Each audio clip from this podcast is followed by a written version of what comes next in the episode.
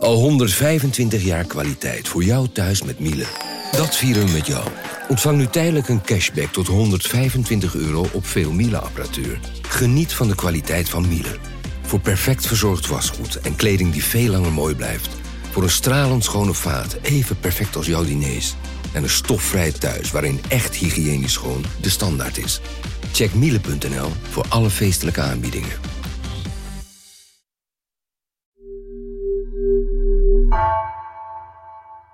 Maar even voor de goede orde, wij hebben dus een wetenschap over het mRNA-vaccin, zeg maar.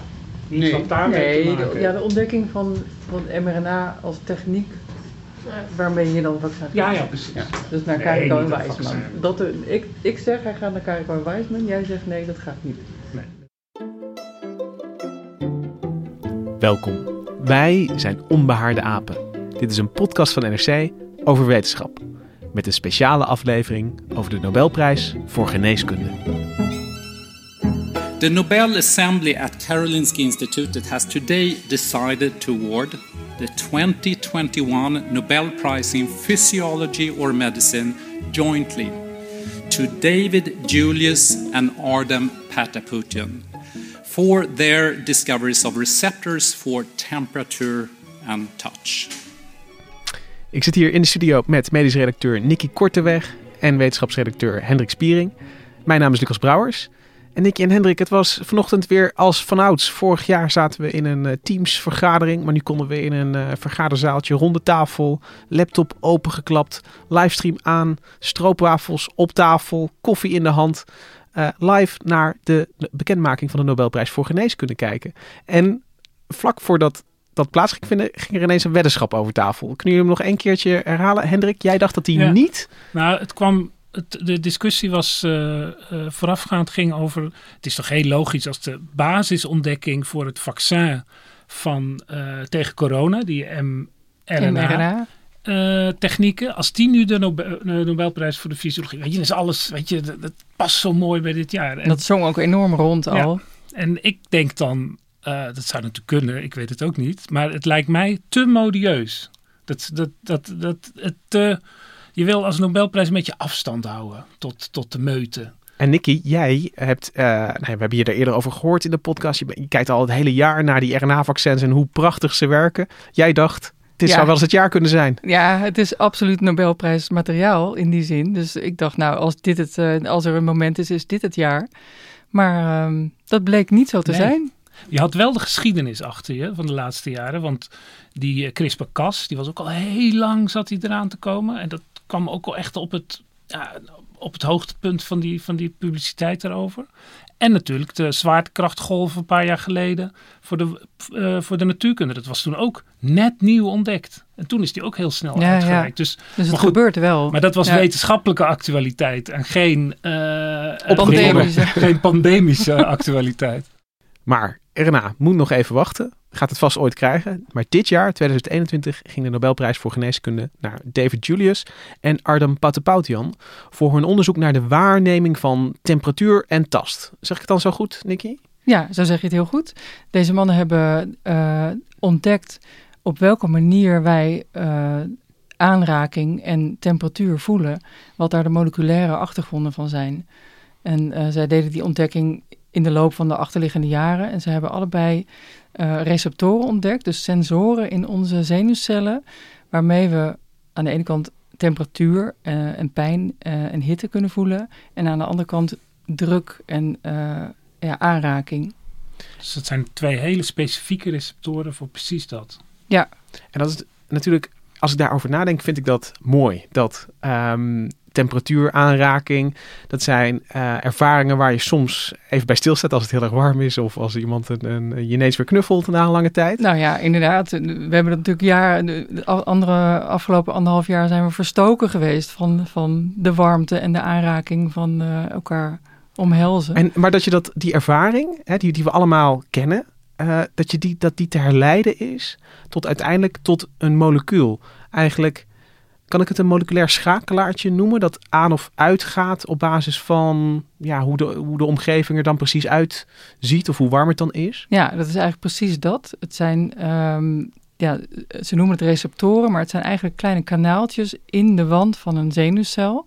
Een soort uh, donutvorm hebben die.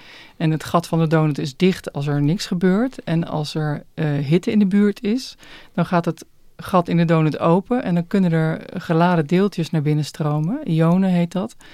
En um, dat zijn natriumionen in dit geval. En daardoor krijgt die zenuwcel een elektrische lading binnen. En die, la die dat elektrische pulsje stuurt hij dan door naar je centrale zenuwstelsel om te laten weten: jongens, er is hier iets heel erg heet of er doet iets heel erg pijn. Trek je hand terug. En wij hebben dus eigenlijk, zou je het kunnen zien, in onze zenuwcellen zitten een soort slimme poortjes eigenlijk. Een, een, een poort die dus automatisch open of dicht gaat al naar gelang uh, er iets aan de deur klopt. Uh, het zij warmte, het zij iemand die tegen je aandrukt. Ja. Um, en dan kan vanaf dan kan dat hele zenuwsignaal zeg maar verder richting brein, richting een ervaring, richting een reactie misschien. Maar het begint bij dat poortje. Het begint met dat poortje. En dat is dus het, uh, het dat maakt het ook zo magisch, vind ik. Dat dat het punt is waarop de werkelijkheid, de, de buitenwereld, aan het lichaam raakt. En dan wordt het dus vertaald naar de hersenen van, oh, want het is niet alleen maar menselijke aanraking, maar ook bijvoorbeeld als ik een, een potlood op mijn uh, hand leg, dan voel ik die. Dat is met datzelfde receptortje. Gaat er dan een hele cascade uh, naar mijn brein. Dat je denkt, oh, daar ligt mijn potlood. Ja, ja het is echt. De, dankzij deze ontdekkingen. Uh, of dankzij deze receptoren weten we. Uh, ja, hoe de wereld om ons heen eruit ziet. Maar ook hoe, hoe ons, lichaam, hoe ons lichaam in die wereld staat. Het is ook proprioceptie heet dat. de manier waarop jouw jouw lichaam in de ruimte is. En ja, hoe je je armen houdt, uh, hoe je op één been moet staan. Ja, dat je niet de hele tijd hoeft te kijken waar je, waar je arm is, maar dat je dat gewoon weet. Ja, dat je de hele tijd stuurt je lichaam. Ja, bijvoorbeeld als je die yoga houding doet waarbij je op één been staat en, en een boom nadoet.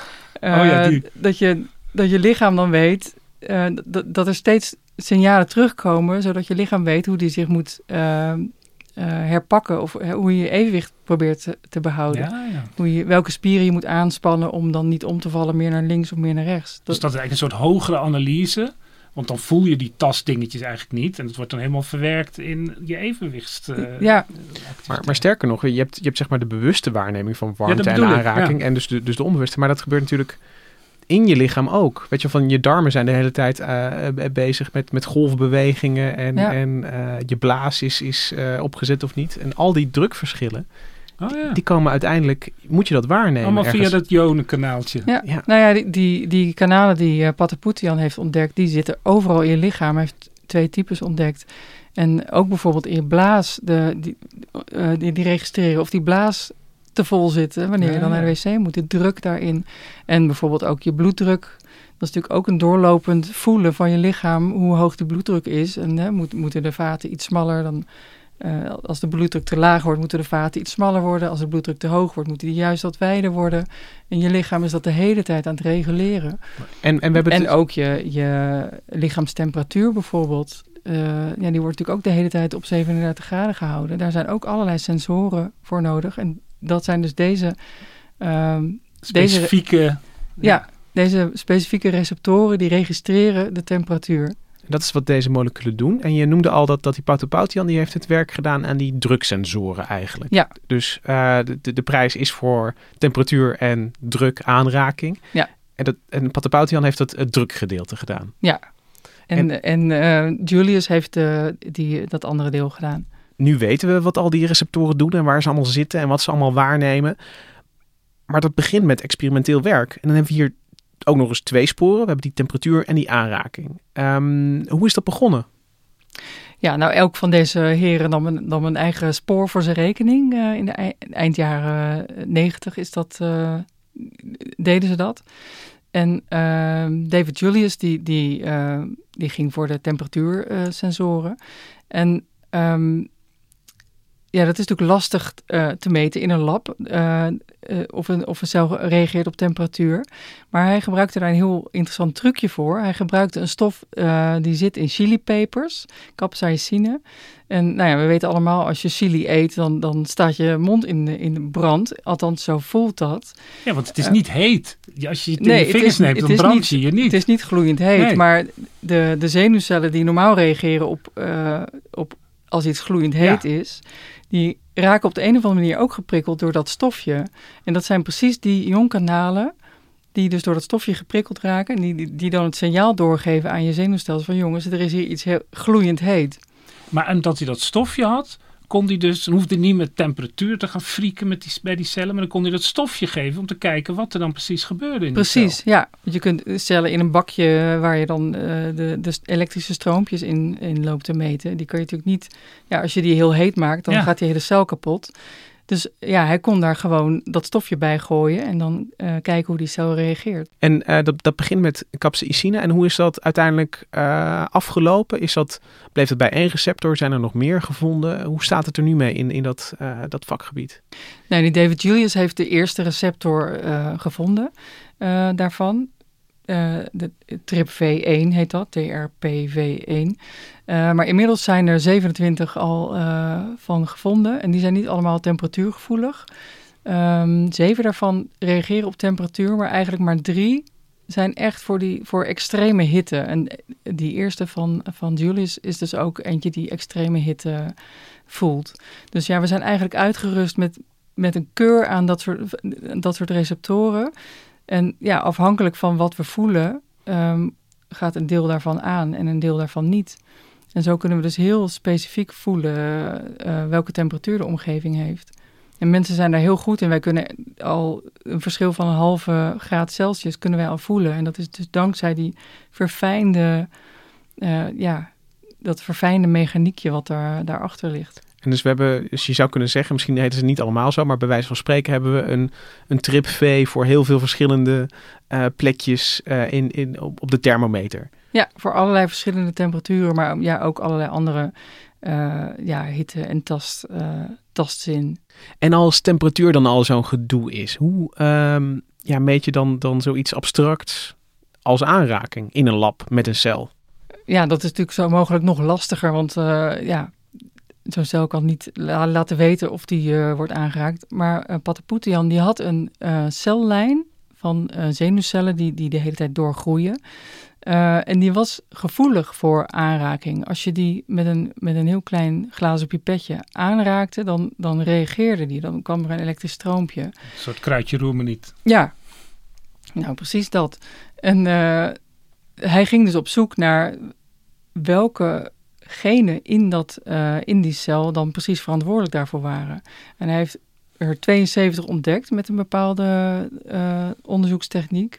En die is hij dus alle 72 afgegaan. Heeft hij steeds een cellijn gemaakt waarin een van die 72 elementen niet bestond. En dan kijk, keek hij of die cel misschien inmiddels ongevoelig was geworden voor aanraking. Dan moet je wel geduld hebben. Zeg. Nou, enorm monnikenwerk. En dat, dat heeft dus ook echt wel jaren geduurd.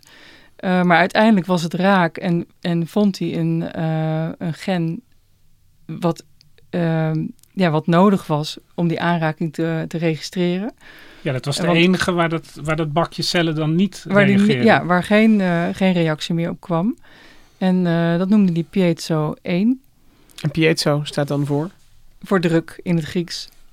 En uh, nou ja, later vond hij nog een tweede. En, en dat zijn eigenlijk, dat is dus heel anders dan die andere receptoren waar we het net over hadden. Hier zijn er maar twee van gevonden tot nu toe. En het Laat me raden, Piezo 1 en Piezo 2. Piezo 2, ja, zo creatief zijn wetenschappers nou eenmaal. En uh, ja, daar is het eigenlijk bij, bij gebleven. En die blijken dus echt voor alle uh, aanraking belangrijk te zijn. En dan heb je de, deze twee moleculaire ontdekkingen eigenlijk. Je, vindt een, een zo'n zo'n kanaal. Um, ik kan me voorstellen dat dat dan al vrij snel gedacht komt. Je zit bij temperatuur, je hebt het over pijn, je hebt het over druk. Um, dat er ook gedacht wordt aan medische toepassingen. En is dat al geprobeerd op basis van deze vondsten? Ja, er wordt zeker, dit, deze inzichten worden zeker gebruikt voor medische toepassingen. Uh, vooral bij pijnstilling uh, natuurlijk. Want uh, die receptoren van, van Julius, die registreren brandende pijn. Hè, die, die pijn van chilipepers. Um, de pijn die je voelt als je een hete kachel aanraakt. Ja, ook. Maar, en dat is ook de pijn die je voelt bij ontstekingen. Dus het idee was, als we die nou kunnen blokkeren, dan, dan kun je de, de pijn die je bijvoorbeeld ervaart bij ontstekingen, kun je blokkeren. En daar zijn ook wel stoffen voor gevonden en die werken ook goed in proefdieren en ook zelfs bij mensen. Maar toch is het wat complexer dan, uh, dan men dacht, omdat um, die receptoren ook een rol spelen bij het op peil houden van onze eigen lichaamstemperatuur. En uh, mensen, oh ja, die proef, uh, proefpersonen die dat middel kregen, ja, die, die, dat hele, die kregen gewoon koorts. Dat raakte in de war. Dat hele ze voelden niks meer, maar ze werden gloeiend Ja, dus uh, er is nog geen bruikbare pijnstiller uit. Ik, uit ik, ik, ik snap het werkt, want als je capsaïcine neemt, dan uh, ga je ook meer zweten en meer afkoelen dus daardoor. Terwijl je niet, uh, um, je, je, temperatuur is, is op zich niks veranderd. Want wat jij al zei Hendrik, die, die peper zelf is niet warm. Dus je, je bent fysiek, word je niet opgewarmd. Ja. Maar je lichaam krijgt wel dat signaal. Het zweet breekt je uit, dus je maar gaat het is zweten. Ja. En dus dan ga je daar toch door afkoelen doordat, doordat je een heet pepertje eet. Ja, en, en, en zelfs ook van binnen. De, de gewoon de temperatuurregulatie die uh, binnenin uh, aan de gang is. Dus dan heb je die verknoping tussen, tussen temperatuur en pijn en, en, wanneer dat dus een signaal moet zijn. Die, die, die zit je dan ook weer een beetje in de weg op het moment dat je dit, uh, uh, ja, hier een, een, een medicijn van wil gaan maken. Ja. Of, of echt op wil gaan ingrijpen. Ja.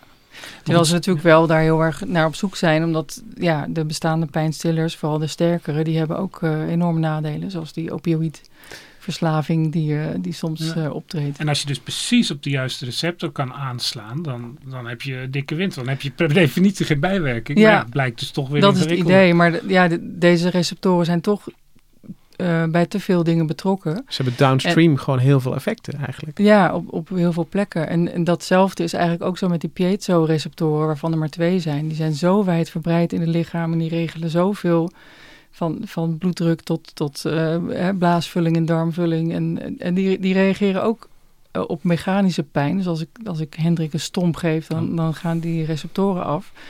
Maar ja, als ik die zou blokkeren, zodat Hendrik het niet meer voelt, dan, dan blokkeren we gelijk zijn een darm heleboel. Ja. En zijn blaas. En zijn... Ja. ja, want uh, het is misschien triviaal, maar we hebben dus miljarden, triljarden van dit soort receptoren overal in ons lichaam. Met die miljarden cellen die we hebben. En die Ja. moet je niet, dus, niet, cellen. dus die moet je niet zomaar dichtsmeren met, Nee. met het een of andere molecuul. Nee, dan, dan, dan is het middel veel erger dan de kwaal.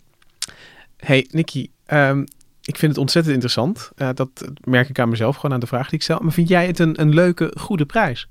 Ik vind het een hele, hele goede prijs. Ja, zeker. Omdat ja, dit staat aan de basis van, ja, van wie we zijn en, en hoe we in, in de wereld uh, ons kunnen bewegen. Um, en aan de ba basis van beweging. En ik hou zelf erg veel van dansen. Dus dit, dit zijn de receptoren waardoor ik dat kan doen. De, die tastdingen, omdat je dan voelt hoe je beweegt. Ja, voelt hoe je in de ruimte staat. En, en uh, ja, als je op één been staat en je doet je ogen dicht, dat je dan niet omvalt. Dat, uh, ja, dat vergt training. En dat, daar zijn deze receptoren bij betrokken. Um, ja, dus ik vind het een prachtige prijs. Aan de ene kant een hele technische, maar ook een hele menselijke prijs.